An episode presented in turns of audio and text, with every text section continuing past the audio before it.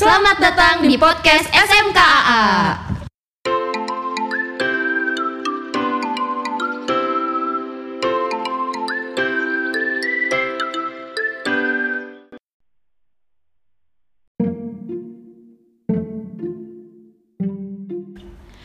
Hai sahabat, balik lagi sama aku Gimel dari klub Young Announcer Nah kali ini aku bakal bincang-bincang nih sama kakak-kakak dari Trident Bandung Boleh nih kak, perkenalan diri dulu Uh, halo, uh, perkenalkan nama saya Tiara. Saya dari komunitas Trident uh, .bdg. Thank you. Oke, halo semuanya. Perkenalkan juga nama saya Hilya. Saya di sini bersama teman saya Tiara. Uh, bakal ngobrol bareng, bareng kali ya hari ini. Oke, nah kali ini ya kak kita akan ngobrolin tentang anxiety. Jadi gimana cara untuk uh, menanggulanginya, terus ciri-cirinya seperti apa kayak gitu. Nah, kalau kakak-kakak sendiri dari Trident Bandung, selain menjadi anggota dari Trident Bandung itu sendiri, kakak-kakak lagi sibuk apa sekarang? Silakan Tiara dulu ya. Oh oke, okay. kalau sekarang saya sibuk, kalau saya kegiatannya kerja sih belakangan kayak gitu di salah satu institusi pemerintahan gitu sebagai masih asisten counselor kayak gitu jadi ya kesehariannya kerja aja kayak gitu sama mungkin mengurus komunitas cuman lagi agak apa ya tidak serame tahun-tahun yang lalu kayak gitu Oke, kalau saya kegiatannya sehari-hari menjadi mahasiswa. Jadi sekarang kebetulan lagi mahasiswa sedang menempuh profesi psikologi seperti itu sih. Okay. Ya. Dan sama seperti uh, rekan saya sambil dikit-dikit uh, jalanin komunitas kecil-kecilan. Oke. Okay.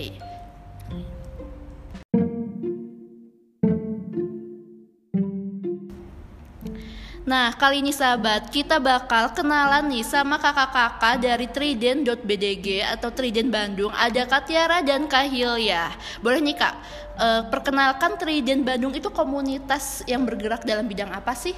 Uh, jadi uh, Trident ini adalah komunitas yang bergerak di bidang kesehatan mental, sosial, dan kemanusiaan kayak gitu. Jadi awal dibentuknya itu sekitar awal tahun 2019 kali ya, sebelum pandemi kayak gitu. Jadi Uh, kalau mau lihat lebih detail acara apa aja sih yang ada kayak gitu bisa dikepoin mungkin di Instagram kita @riden.bandung gitu. Jadi intinya kita itu berkegiatan tentang kesehatan mental, sosial dan kemanusiaan kayak gitu. Oke, tuh sahabat. Kalau sahabat bin kepo lebih lanjut bisa banget ya langsung aja ke Instagramnya @trident.bdg. Oh ya kak, boleh nggak sih kak jelasin dong lebih lanjut kegiatan-kegiatan apa aja sih yang ada di Trident itu sendiri? Oke, jadi sebenarnya tadi seperti rekan yang rekan saya bilang sebelum pandemi itu kan acaranya cenderung offline ya. Jadi sebenarnya niat Riden itu sederhana gitu. Uh, kita ingin membangun apa ya? Suatu komunitas yang intinya itu sharing gitu. Sharing ilmu yang sederhana atau bermanfaat gitu. Sekalipun uh, founder-foundernya itu backgroundnya psikologi tapi tadi seperti yang rekan saya bilang nggak terbatas di psikologi aja nih tapi bisa juga tentang sosial kemanusiaan ya semuanya masih terhubung gitu kan. Jadi kayak intinya kita ingin sharing bareng siapa pun mau itu individu mau itu komunitas uh, sharing-sharing aja gitu tentang topik tertentu. Jadi beberapa kali juga kita event pernah di uh, taman kota kayak taman ruang publik gitu ngumpul-ngumpul bareng sambil ngobrol diskusiin topik. Pernah juga di uh, sebuah kafe gitu sambil ngobrol bareng sambil makan sebelum pandemi gitu. Lalu setelah pandemi ya karena uh, tidak bisa bertemu dengan orang banyak itu kita juga beberapa kali ngadain sesi zoom yeah. ya. Sesi zoom gitu. Dan semua acara kita itu gratis sih. Jadi uh, niatnya berbagi sih gitu berbagi uh, informasi dan kita juga percaya kalau kita juga bisa dapat ilmu dari orang lain yang hadir gitu benar banget seperti itu oke okay. kalau yang via zoom itu sebatas untuk orang-orang Bandung atau terbuka untuk umum kak kalau yang kemarin Oh, dari mana aja sih? Justru waktu terakhir event yang ada Zoom itu bahkan dari uh, pulau lain ada kayak gitu. Jadi kita e, di mana pun bahkan kalau ada di luar negeri pun kalau informasi nyampe ya silahkan terbuka banget. Oke okay, jadi terbuka untuk umum ya sahabat. Iya. jadi sahabat bisa banget nih buat join gabung apa pun acara yang diadakan oleh Trident Bandung ini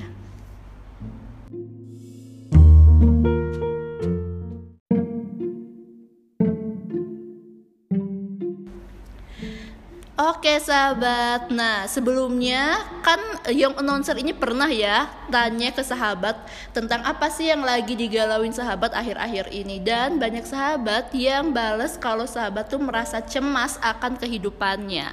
Pas banget kita lagi ngobrol sama kakak-kakak dari Trident Bandung yang akan ngejelasin nih apa itu anxiety disorder atau kecemasan itu sendiri ya kak. Boleh nih kak eh, tolong dong kasih tahu ke sahabat dan ke aku pribadi. Nah, apa itu anxiety disorder dan mengapa bisa terjadi? Oke, eh, pertama-tama eh, lumayan ya topiknya. Anxiety disorder cukup ya cukup cukup berat sebenarnya. Lalu juga tadi ini berdasarkan voting berarti ya. Berarti para sahabat nih pa- eh, ingin tahu tentang anxiety atau kecemasan gitu Iya, ya. betul, Kak. Nah sebenarnya kalau kita eh, pakai istilah anxiety atau kecemasan, kayaknya itu perasaan yang sering kali kita rasain ya. Nah, Iya. Kalau menurut Gimel sendiri deh, aku mau nanya, kalau menurut Gimel tuh anxiety atau cemas tuh apa sih gitu? Kalau aku sendiri nih kak, mungkin karena aku baru lulus juga ya kak, jadi aku tuh cemas kayak, aduh setelah lulus ini aku mau ngapain sih, kehidupanku tuh mau apa, apakah kerja dulu atau kuliah lagi? Atau ya merasa apa ya kak, kalau di umur aku tuh kayak yang beban keluarga gitu loh, kayak yang di internet semua kayak bilang, ayo cepet kerja nanti jadi beban keluarga kayak gitu, jadi itu malah bikin cemas gitu kak. Kalau anxiety disorder itu sendiri, apakah emang ada kayak yang satu fase hidup atau emang semuanya akan mengalami fase ini gitu sih kak Oke sip, makasih eh, Gimel jawabannya tadi benar ya. Maksudnya untuk teman-teman mungkin yang masih pada kuliah atau mungkin baru lulus tadi ya, eh, aduh gimana nih habis ini, pokoknya gimana nih, apa nih gitu ya kayak Iya, betul. khawatir yang berlebihan gitu. Nah kalau sebenarnya eh, anxiety atau cemas sendiri itu sebenarnya adalah kayak suatu perasaan gitu, suatu perasaan yang apa ya eh, kaitannya itu sama fisik dan psikologis gitu.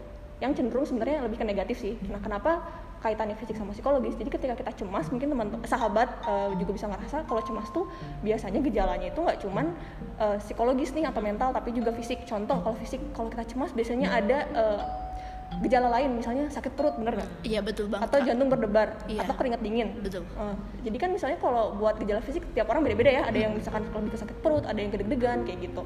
Nah kalau ke gejala psikologisnya gitu, biasanya kita jadi kayak mikir yang terburuk ya nggak sih? iya betul banget aduh kak. gimana sih kalau misalnya nggak dapat kerja? Iya. terus aduh jobless nih. Terus Iya. aduh nyusahin orang tua nih gitu kan ya. Betul. jadi biasanya mungkin kalau bisa dikatakan kata kuncinya eh, untuk cemas atau anxiety ini tuh adalah ada dua-duanya gitu. Ada gejala psikologis dan fisik gitu. Biasanya beda-beda tiap orang. Cuman kalau tadi fisiknya itu macam-macam ya. Pokoknya kerasa ada perubahan yang negatif. Kayak tadi deg-degan jantung berdebar eh, tangan keringet dingin atau apa. Lalu kalau psikologisnya biasanya kita mikirnya tuh tentang masa depan ya tadi ya. Iya, tentang yang apa yang akan terjadi gitu. Apa yang akan terjadi. Lalu kita biasanya mikirnya terlalu berlebihan negatif dan terlalu jauh gitu mikirnya gitu Iya, kan. iya. nah nah kalau tentang anxi- anxiety sendiri sebenarnya atau cemas itu sebenarnya wajar. Maksudnya semua orang di dunia ini gitu bahkan saya lupa tapi ada kayak filsuf yang pernah bilang ya manusia itu makhluk yang pencemas. Jadi nggak ada Oke. apa-apa juga itu Pasti pasti cemas, cemas, gitu, gitu ya. ya. Apalagi dengan mungkin pandemi sekarang tuntutan jadi orang dewasa atau mungkin remaja juga cemas gitu. Nah jadi cemas itu sebenarnya wajar dirasakan semua orang gitu. Oke. jadi tapi cemas yang seperti apakah mungkin yang berlebihan atau yang mengganggu itulah tadi yang mungkin bisa mengacu pada eh, anxiety disorder atau gangguan gitu sih mungkin. Oke, jadi eh, semua orang pasti akan melalui ini ya kayak eh, melalui perasaan kecemasan ini. Tapi yang menjadi pembeda bahwa kayak wah ini udah nggak sehat itu kayak gimana sih kak? Eh, mungkin Tiara udah nggak sehat eh, gimana ya? Kalau misalkan itu berlangsung terus menerus gitu terus sampai ngeganggu fungsi kita sehari-hari gitu. Biasanya kan eh, misalkan bisa beraktivitas kayak biasa eh, kerja sekolah komunitas dan lain-lain. Tapi kalau misalkan aktivitas-aktivitas itu keganggu gitu berarti itu udah tanda-tanda nih menuju ke eh, gejala yang perlu mencari eh, layanan gitu ya. Bantuan layanan atau gitu ya, Kak? bantuan kayak gitu Nah, jadi kalau masih bisa terhandle, oke berarti mm, belum nih. Tapi udah kalau misalkan udah itu mengganggu kehidupan kita, nah itu baru mulai ke arah sana gitu. Oke, Hmm. apakah juga nih kak aku mau nanya kalau misalnya kita merasa kayak yang aduh aku udah nggak mau ngapa-ngapain lagi aku udah bingung mau ngapa-ngapain lagi tapi tetap cemas sama masa depan tapi yang nggak mau gerak juga itu udah udah perlu ke bantuan psikolog atau psikiater atau kayak gimana itu atau ya ya itu memang fase yang harus dilewati aja Nah, sebenarnya tadi ya kalau di sini kalau jawabnya untuk individu mungkin agak sulit ya karena tadi gitu cemasnya di orang A sama di orang B mungkin bisa gitu kan. Tapi tadi kata kuncinya cemas itu sekali lagi wajar banget. Semua orang mau dari muda sampai tua sampai lansia itu pasti ngerasain. Nah tadi bener kata rekan saya Tiara kata kuncinya itu kalau sampai itu mengganggu mengganggu kita atau mungkin orang lain merasa terganggu ya. Misalnya kita cemas nih jadinya nggak mau sekolah. Iya. terus jadinya nggak mau ngerjain tugas kelompok misalnya ya. Jadi kan Iya, ngera- iya. misalkan eh, jadinya mengganggu teman kita atau orang tua kita khawatir kita nggak mau sekolah atau nggak mau kerja gitu. Jadi kata kuncinya mengganggu sih mengganggu kita Iya, atau orang lain orang gitu. Dan sebenarnya kalau ditanya mengganggu kan juga eh, ini ya apa maksudnya spesifik ya tergantung kitanya gitu. Jadi kalau untuk sampai mana nih kita perlu layanan tanya ke diri kita. Dan mungkin dengerin orang-orang terdekat kali ya. Kalau mungkin kadang kita nggak peka sama diri kita tapi orang sekitar kayak Mulai "Kayaknya- sadar iya, gitu ya, Kak? kamu ada yang beda deh ini Ah, oke, gitu kan iya, gitu. benar-benar. atau dari statusmu dari storymu gitu Iya, kayaknya iya, iya, iya. ada yang beda gitu nah mungkin bisa didengarkan karena hmm, apa ya nggak ada salahnya untuk akses layanan kesehatan mental ya mau psikologi psikiater konselor karena orang sering berpikir harus sakit dulu Iya. baru ke psikolog atau psikiater padahal eh, kita kalau luka nih lecet sedikit langsung nyari betadin Iya. langsung nyari hamsaplas kenapa nggak ngelakuin itu ketika kita juga Sakit secara mental iya gitu jadi ya, kayak nggak harus selalu mau operasi kan baru gitu. Kadang kita juga ada general check up ya ke dokter Iya. gitu jadi kayak sama kok ke psikolog dan psikiater juga kita bisa untuk ngecek atau ingin tahu diri kita lebih jauh nggak harus selalu kenapa-napa gitu sih. Oh, jadi kita bisa juga ya kayak langsung kayak misalnya konseling walaupun sebenarnya menurut kita kita baik-baik aja gitu ya. betul betul betul banget. Kan kadang juga ke dokter bisa minta vitamin aja ya. Iya, jadi nggak tidak harus sakit sama kok. Jadi kayak eh, ya WHO sendiri juga kan bilang kalau kesehatan mental dan fisik itu sama Iya. gitu ya. Sama pentingnya sekarang juga bolak-balik ya. Kalau fisik kita sakit bisa kebalikan mentalnya atau sebagai macam. Jadi nggak apa-apa sekali lagi bisa eh, mengakses layanan kesehatan mental bahkan cuma untuk ingin tahu diri kita tuh seperti apa gitu boleh banget kok seperti itu Oke, tuh sahabat. Jadi sahabat nggak perlu takut lagi buat konseling ke konselor, ke psikolog ataupun psikiater walaupun sahabat merasa sedang baik-baik aja. Karena kan kita bisa lebih mengenal diri kita sendiri ya Kak kalau langsung eh, berbicaranya itu sama yang ahli di bidangnya. Oh ya nih Kak, aku mau nanya juga nih Kak, apakah jenis eh, apakah anxiety ini memiliki jenis-jenis yang berbeda ataupun sama aja sih sebenarnya? Hmm, sebenarnya kalau anxiety itu tadi ya, kalau anxiety-nya sendiri atau kecemasan itu perasaan yang wajar dirasain orang, sekalipun Oke. cenderung negatif ya. Tapi kalau tadi eh, yang rekan saya bilang, Tiara kalau itu sampai mengganggu, itu Iya. bisa jadi eh, anxiety disorder gitu. Dan Oke. anxiety atau gangguan atau disorder yang berkaitan sama anxiety juga banyak ya, Eh, kayak apa namanya, ada panic attack dan segala macam. Jadi sebenarnya turunannya itu banyak sekali dan mungkin kalau dijelasin di sini juga akan panjang. Tapi intinya kita perlu bedain uh, bahwa anxiety yang wajar dan grup besarnya anxiety disorder gitu. Nah, kalau turunan dari anxiety disorder itu banyak sekali gitu. Gitu. Jadi kayak iya sih gitu. Jadi intinya ada anxiety yang wajar dan anxiety yang menuju disorder gitu aja sih. Oke, jadi balik lagi ya kak ya. Jadi sahabat harus mulai sadar juga ada yang aneh enggak di dirinya ataupun dari misalnya teman-teman yang curhat kayak, eh lo kok beda sih kayak gitu itu udah mulai apa ya red flag sekali ya buat sahabat bisa langsung konseling ke konselor, psikolog ataupun psikiater kayak gitu.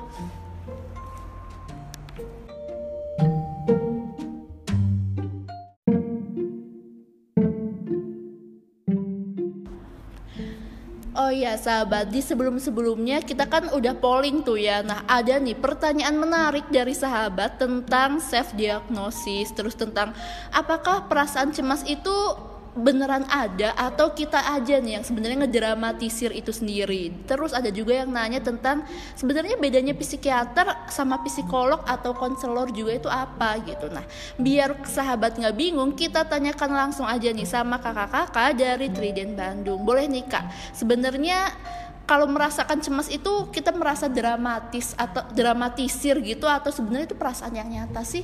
Oke, pertama cemas itu tadi ya mungkin sorry kalau saya akan ulang-ulang tapi ya para sahabat dan semuanya yang dengar bahwa cemas itu wajar banget dirasakan. Dan bahkan perasaan apa pun selain cemas ya mau itu sedih marah jadi apa pun perasaan yang kita rasain itu valid dan boleh kita rasain ya. Jadi nggak ada eh, perasaan yang tidak boleh kita rasakan.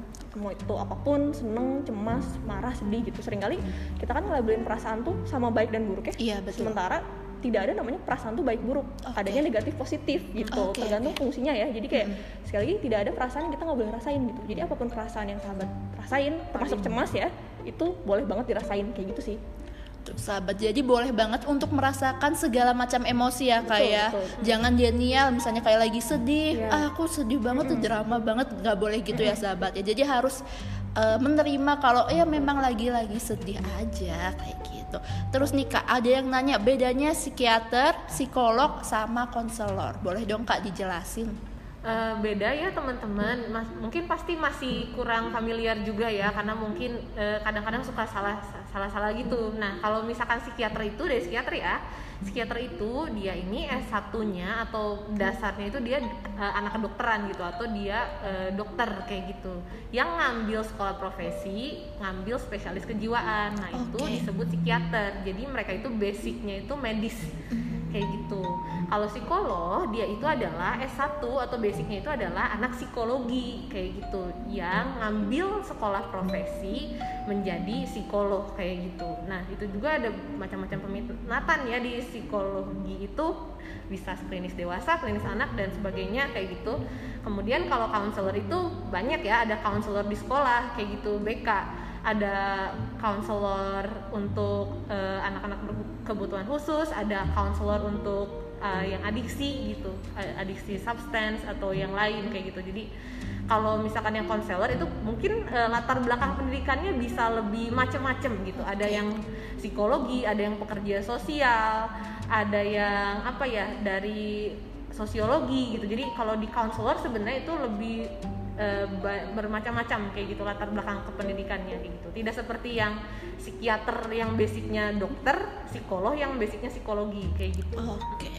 kalau misalnya nih kak sahabat lagi merasa cemas atau merasa ada yang berbeda dari dirinya itu lebih baik ke mana dulu nih kak? Apakah ke konselor ke psikolog atau ke psikiater? Kalau menurut saya ya eh, teman-teman eh, sebenarnya nggak usah jauh-jauh dulu ke sana yang penting kamu bisa nge-reach out orang dulu deh siapa gitu.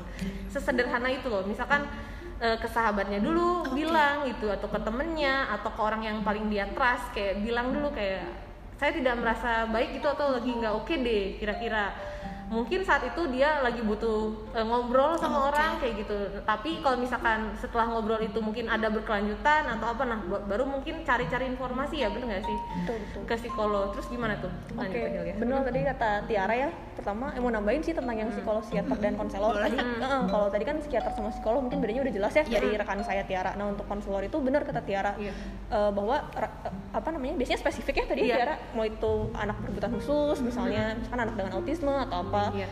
sekolah atau yeah. adiksi gitu nah biasanya uh, teman-teman konselor ini mereka tuh punya sertifikasi ya yeah. Tiara okay, nah itu yeah. jadi teman-teman uh, tadi misalkan ngerasa misalkan ada bermasalahnya tentang mungkin adiksi gitu yeah. atau narkoba atau obat-obatan misalnya ada konselor adiksi nah teman-teman mereka tuh tersertifikasi gitu jadi ada sertifikatnya jadi jadi iya. konselor juga tidak bisa asal-asalan iya nggak gitu ya, bisa ya, jadi ada sertifikasinya mereka punya uh, sertifikasi nah intinya teman-teman yang tadi disebutkan tiga itu psikolog psikiater dan uh, konselor itu mereka punya sertifikasi masing-masing dan karena mereka punya sertifikasi mereka berhak menangani di bidang-bidang tersebut atau lebih dekatnya ke kesehatan mental gitu sih. Oke. Okay. Ya.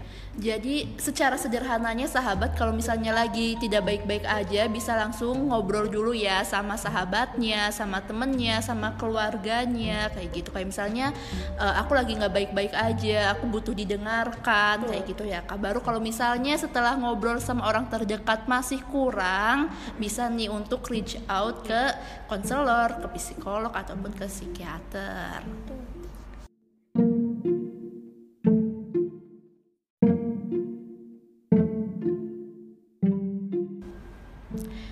Oke sahabat, tadi seru banget ya bincang-bincang sama Kak sama Kak Hilyah mulai dari pengertian anxiety disorder itu apa, jenis-jenisnya, terus apa bedanya psikolog, psikiater sama uh, konselor itu udah dijelasin lengkap banget sama Kak dan Kak Hilyah. Nah ini nih pertanyaan yang paling sering akan ditanyakan oleh sahabat termasuk aku juga nih. Gimana sih Kak caranya untuk berdamai dengan diri sendiri kayak gimana sih untuk memaafin diri sendiri gitu? Kak boleh dong kak dijelasin menurut uh, ilmunya dan praktisinya. Waduh aku mau tanya dulu deh aduh.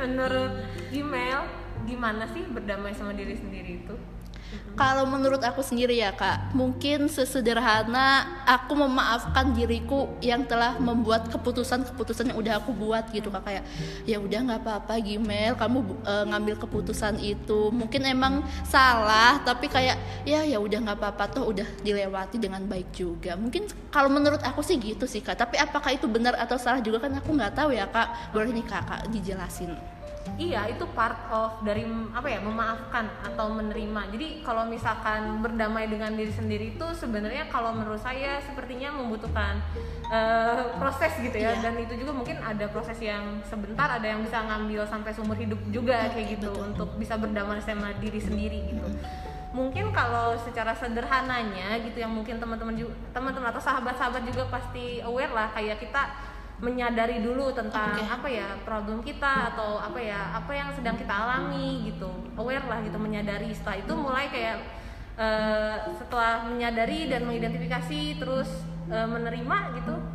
Itu ya maksudnya menerima setelah menerima mungkin eh, dari situ memaafkan. Setelah memaafkan mungkin dari memaafkan itu melepaskan gitu atau letting go. Dan itu tidak sesederhana yang di- Dibicarakan ya, Kak, kayak betul. Eh, itu perlu proses semuanya kayak gitu. Kadang mungkin dari satu tahap ke tahap, tahap lain tuh bisa lama gitu bisa kayak beberapa saat gitu sampai kita merasa eh, benar-benar apa ya menerima dan memaafkan gitu dan akhirnya melepaskan itu gitu dan hidup dengan nyaman aman kayak gitu damai gitu. Mungkin dari Tehilnya mau ditambahin boleh apa ya mungkin setuju sih sama Tiara. Tadi proses ya. Iya, saya menerima penerimaan diri tuh sering kali kita mikirnya ah jadi kayak dikasih deadline gitu ya. Iya, saya betul. harus terima diri sendiri sebulan lagi. Iya. saya harus terima diri sendiri enam bulan lagi. Di mana itu tidak mungkin ya. Tadi yang Tiara bilang sendiri itu rekan saya bilang bahwa penerimaan diri itu bahkan untuk sebagian orang itu bisa membutuhkan waktu seumur hidup gitu. Jadi buat teman-teman atau sahabat eh, ketika penerimaan diri itu prosesnya ups and downs naik turun kayak tiba-tiba enam bulan ini kita baik-baik aja nih Iya. tiba-tiba ada trigger ya Iya, trigger apa pun nih dari teman pasangan keluarga drop lagi. Bukan berarti teman-teman tuh gagal menerima diri tapi memang akan seperti itu gitu. Jadi bahkan sampai kita lansia sampai kita nanti menuju kematian gitu bahwa menerima menerima diri itu akan selalu ada apa ya ups and downs gitu sih Oke. gitu. Dan mungkin kalau saya bisa bilang apa ya kata kunci apa ya menerima diri tuh menerima diri kita sebagai seutuhnya sih gitu kan. Maksudnya ini kata klasik ya tapi manusia tuh nggak ada yang perfect ya. Jadi kita Betul, mener- menerima diri kita tuh ya ya semuanya gitu kita yang baik kita yang buruk kita yang lemah kita yang kuat gitu sih gitu. Jadi bahwa ingat bahwa ya manusia teh utuh gitu tidak ada yang dia completely good completely bad gitu nggak ada ya. Kita semua ya ada bagian-bagiannya gitu aja sih mungkin Nah, jadi sahabat, yang perlu banget untuk di-highlight atau digaris bawahi nih dari kata-kata Katiara ataupun Kahiliah bahwa proses memaafkan diri sendiri itu ada eh, ada banyak dan membutuhkan waktu yang tidak sebentar. Mungkin akan sebentar bagi sebe- sebagian orang, tapi mungkin akan membutuhkan waktu seumur hidup bagi beberapa orang lainnya. Jadi sahabat nggak perlu takut, nggak perlu cemas lagi kalau misalnya saat ini belum menerima atau memaafkan diri sendiri karena prosesnya itu ada panjang, ada mulai dari menyadari, mengidentifikasi, menerima, memaafkan sampai melepaskannya dan hidup tenang. Seperti itu ya, Kak. Benar sekali.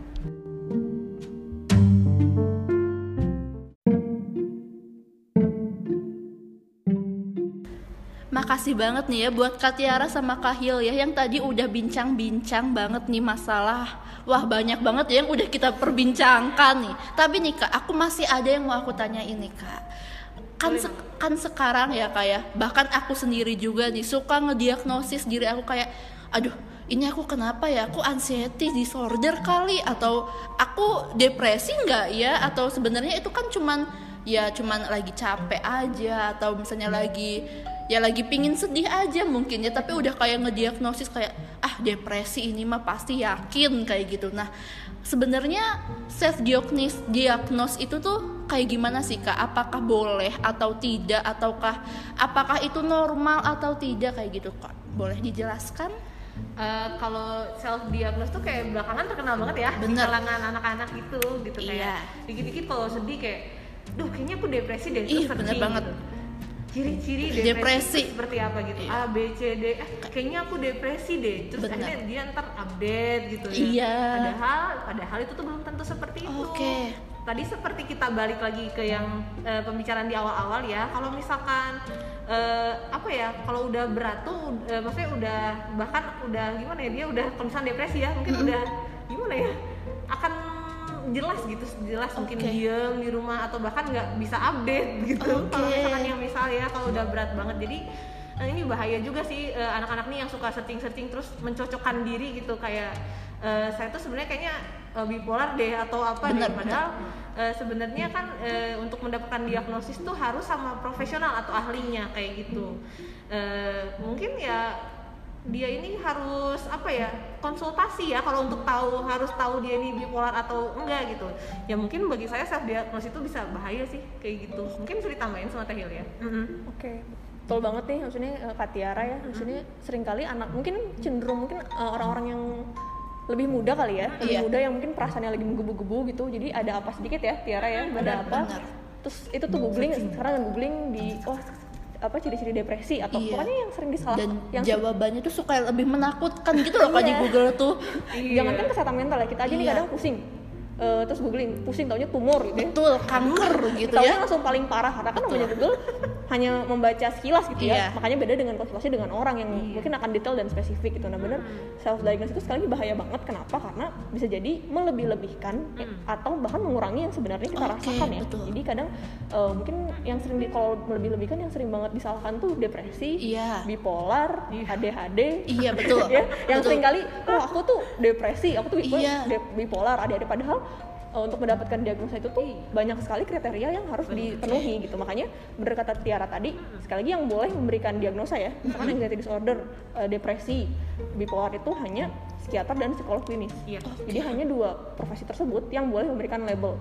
Selebihnya mau itu dari tes online mau itu Oke. dari mana pun kalau bukan dari dua profesi tersebut itu tidak valid diagnosanya gitu. Oke. jadi ya boleh Tuh sahabat ya, jadi jangan sampai sahabat eh, mendiagnosa diri sahabat sendiri dengan penyakit-penyakit yang belum tentu itu beneran terjadi. Jadi sahabat boleh banget nih buat konsultasi ke psikolog ataupun psikiater karena hanya mereka berdua lah profesi yang boleh mengeluarkan bahwa sahabat itu memang menderita suatu penyakit kayak gitu tuh sahabat. Nah aku juga mau nanya nih kak, Eh, buat eh, sahabat-sahabat di sini ya kan banyak yang nanya kayak misalnya lagi merasakan cemas, lagi merasakan eh, sakit. Nah, misalnya kalau kalau aku pribadi nih kak, aku tuh susah buat cerita ke orang lain gitu. Ada cara lain nggak sih kak, selain buat bercerita ke orang lain kayak entah itu teman, sahabat ataupun keluarga ya? Apakah ada cara lain gitu biar emosinya itu tetap tersalurkan tanpa harus ngobrol kayak gitu kak? Emosi apa dulu nih mungkin? Misalnya kayak lagi sedih, lagi cemas, kayak lagi nggak baik-baik aja, tapi nggak bisa juga nih buat cerita ke teman kayak gitu kak.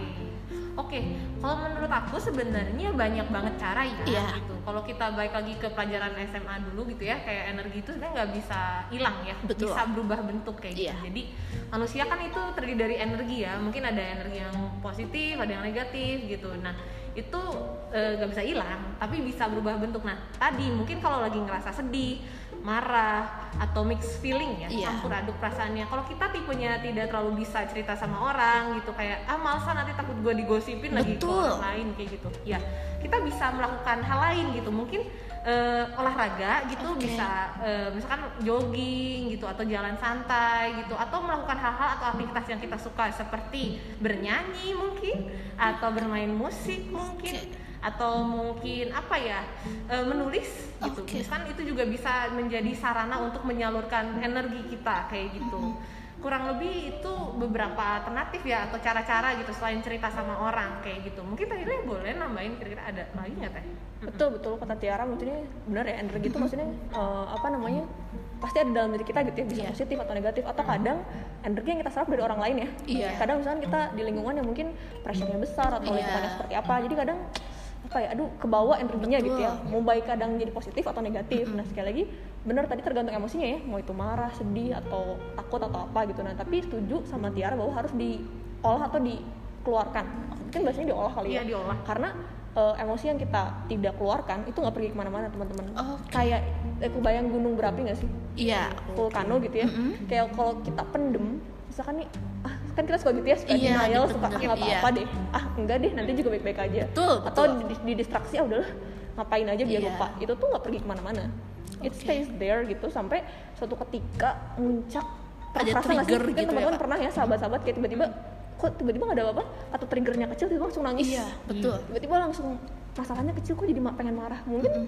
itu teh apa ya energi atau emosi-emosi yang kita tuh lupakan gitu yang kita nggak olah. Jadi sebenarnya kenapa bener kata Tiara penting banget itu untuk mengolah energi kita emosi kita karena soal inget tadi prinsip gunung berapi ya bahwa itu nggak ke mana-mana gitu. Malah khawatirnya kalau nanti teman-teman lagi mungkin di keadaan yang nggak siap tiba-tiba itu meluap sendiri gitu. Makanya suka tiba-tiba nangis sendiri marah sendiri gitu ya gitu. Makanya rajin-rajin lah ngolah emosi ya. Tadi macam-macam kalau cara yang cocok sih eh, sebenarnya tanpa konsultasi bisa sadar sendiri ya. Kayak kan ada orang yang sukanya cerita ya. Iya. Iya. atau bahkan kalau nggak ke orang mungkin ini terdengar lucu ya tapi cerita sama pohon pun bisa Oke. ngobrol kan itu aman ya. Iya, kadang kalau temen suka apa ngecepu gitu ya Iya. atau gimana gitu. Atau di second second account IG bisa kan? Iya, iya, yang cuma iya. satu orang itu kan. Iya, apa? betul.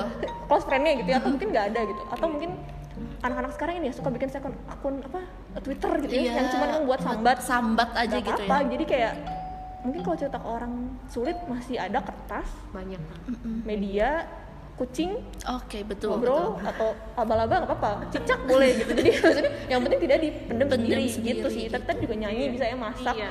atau Banyak. ibadah ibadah Iya. juga kan bentuk eh, kata apa ya katalis gitu ya maksudnya ibadah mau itu ibadah sholat mau itu ke gereja mau itu yoga meditasi pokoknya cara buat orang A belum tentu cocok buat orang B. Gitu. Iya, makanya benar. agak keliru sih kalau misalnya nyuruh temen aku tuh efektif loh misalnya sholat Iya. atau nyanyi. Lah itu kan buat kita ya. Iya. Buat dia bisa jadi dia pengen ngomong sama kucing gitu. Iya, nggak betul. apa-apa gitu aja sih. Tapi bener kata Tiara intinya harus diolah energi dan emosinya gitu. Setuju juga. Tuh sahabat, jadi kalau misalnya sahabat lagi merasa sedih atau tidak baik-baik aja, sahabat bisa juga nih mengolah emosinya dengan cara-cara lain seperti yang tadi udah Kak Tiara ataupun Kak Hilya sampaikan.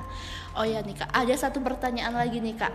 boleh Men- banget menurut kakak sendiri nih kak, gimana sih kita sebagai orang lain, misalnya teman kita lagi merasa sedih, merasa tidak baik-baik aja, gimana sih cara kita buat ada dan hadir buat mereka tanpa harus kita memberi judgmental gitu kak? Tanpa harus kayak bader gitu Iya, ya tanpa harus kayak ah lo mah sedih itu mah udah biasa kali. Dan bahkan itu akan lebih menyakitkan ya kayak jadi gimana sih kata-kata yang pas? Misalnya teman kita lagi curhat terus kita gimana nanggepinnya kak? oke kalau menurut aku simple banget be there. Ya udah itu aja. Jadi di sana aja untuk jadi saya ada untuk kamu gitu. Maksudnya kalau kamu membutuhkan saya kapan pun di mana pun silakan chat gitu atau telepon atau video call. Jadi intinya kamu nggak nggak ngerasa sendirian gitu nggak ngerasa kesepian atau apa pun gitu. Saya ada untuk kamu. Simpel itu sih. Bener kan teh? Betul banget kak Tiara. Apa eh, izin nambahin ya kak Mungkin Iya, ya, silakan, bener banget Ida. bidder itu kayak simple ya Iya. tapi sederhana bidder tuh mungkin udah sangat membantu gitu Iya. dan yang paling penting sebenarnya bidder itu tambahannya adalah mendengarkan tanpa Iya. menjudge ya sering kali kita kalau orang siapa pun nggak tahu kadang orang tuh terlalu terburu-buru ngasih solusi ya Iya, kamu harus betul. gini gini gini gini sering kali orang yang punya masalah tuh udah tahu kok dia harus apa bener gak? Iya. Nggak tahu aku udah aku tuh apalagi udah dewasa Iya. udah harus tahu besok harus ngerjain tugas Iya. tahu besok harus ngelamar kerja tahu ya Betul, tapi betul. kan bukan itu gitu Iya. kadang sesimpel tadi kata Tiara be there diem dengerin aja tidak perlu nawarin solusi udah bukan lagi konsultasi ya Iya. iya jadi dengerin aja dengerin dan mungkin eh, apa ya tips tambahannya adalah apa ya kan orang-orang beda-beda misalkan ada yang suka es krim ada yang suka coklat ada yang suka keripik Mm-mm. pedas seblak gitu Iya. sering kali orang-orang yang sedih atau lagi down banget tuh mereka kadang juga lupa take care of dirinya gitu. Oke. jadi kayak banget be there dan eh, apa ya apa ya bantu mereka untuk take care dirinya misalkan Oke. ya udah mau curhat nih ini seblak Oke. mau ngomong dua jam aku dengerin gitu nggak Oke, kepotong oke, oke. atau apa Thai tea gitu jadi kayak Uh-uh. mungkin bantu mereka bahwa mereka harus jaga diri mereka juga makan yang teratur kayak gitu sih jadi simply be there Iya. dengarkan tanpa motong bawain seblak atau keripik pedes gitu Asik. jadi itu Oke. that's more than enough gitu kadang tadi nggak harus selalu ke ini apa ya Iya. nggak harus langsung ke eh, apa konselor atau Iya, psikolog atau iya. psikiater kadang simple be there dengerin dan bawain apa yang mereka suka gitu Iya aja betul banget. Jadi sahabat bisa banget nih kalau temennya atau sahabatnya lagi kelihatan lagi sedih, postingnya galau-galau, bisa nih langsung bawa makanan kesukaannya terus kayak kamu kenapa sini cerita sama aku gitu kali ya. Nah buat Kak Tiara sama Kak Hilya ada nggak sih yang ingin disampaikan untuk sahabat Museum Konferensi Asia Afrika?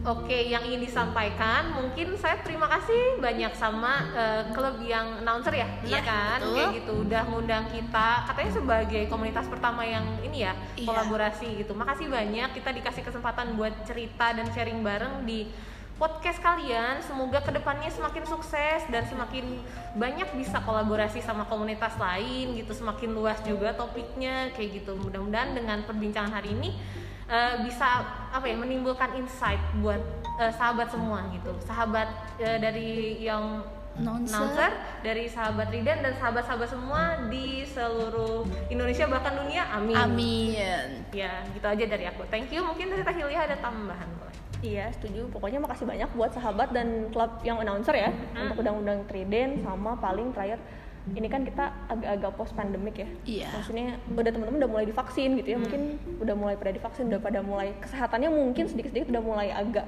eh, arah ke positif gitu ya. Tapi mungkin after effectnya adalah mungkin mental kita yang mulai kena gitu. Oh betul. Betul. Jadi kayak tadi sih sebenarnya topik kita hari ini sih maksudnya it's okay untuk merasa cemas it's okay untuk merasa down karena seluruh dunia ngerasain itu gitu Oke. namanya after pandemic tuh fisiknya agak baikan mungkin mentalnya akan lebih down gitu jadi nggak apa-apa kalau mungkin dua tahun ke depan atau dua tahun terakhir tuh nggak sebaik tahun-tahun sebelumnya ya gitu sih jadi don't be too hard on yourself oh iya bener banget Aduh, bener banget. everyone is struggling and it's okay gitu It's itu aja sih okay, It's sahabat okay. ya. Terima kasih buat Kak Tiara dan Kak Hilya. Aduh banyak banget nih kata-kata yang harus di highlight mulai dari jangan keras sama diri sendiri, terus semua perasaan itu normal dan perlu divalidasi juga kayak gitu. Banyak banget ya. Semoga apa yang kita perbincangkan kali ini bisa diterapkan untuk diri sahabat sendiri ataupun ke teman-teman sahabat, ke keluarga sahabat yang ada di mana pun itu ya. Sekali lagi makasih buat Kak Tiara dan Kak Hilya dari Bandung. Jangan lupa juga ya buat follow dan cek Instagram Triden Bandung di @triden.bdg. Sekali lagi makasih. makasih banyak.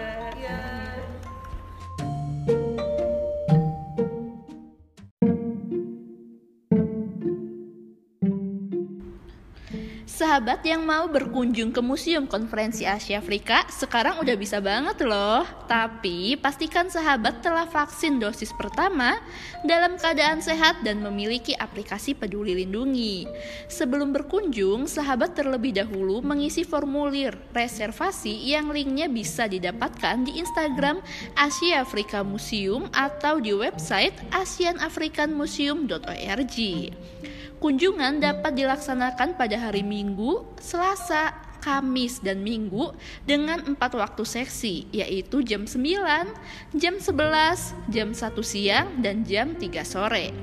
Terima kasih sahabat yang udah mendengarkan episode podcast kali ini. Nantikan episode-episode selanjutnya dari podcast Sahabat Museum Konferensi Asia Afrika. Sampai jumpa di episode selanjutnya ya. Bye-bye. Salam museum di hatiku.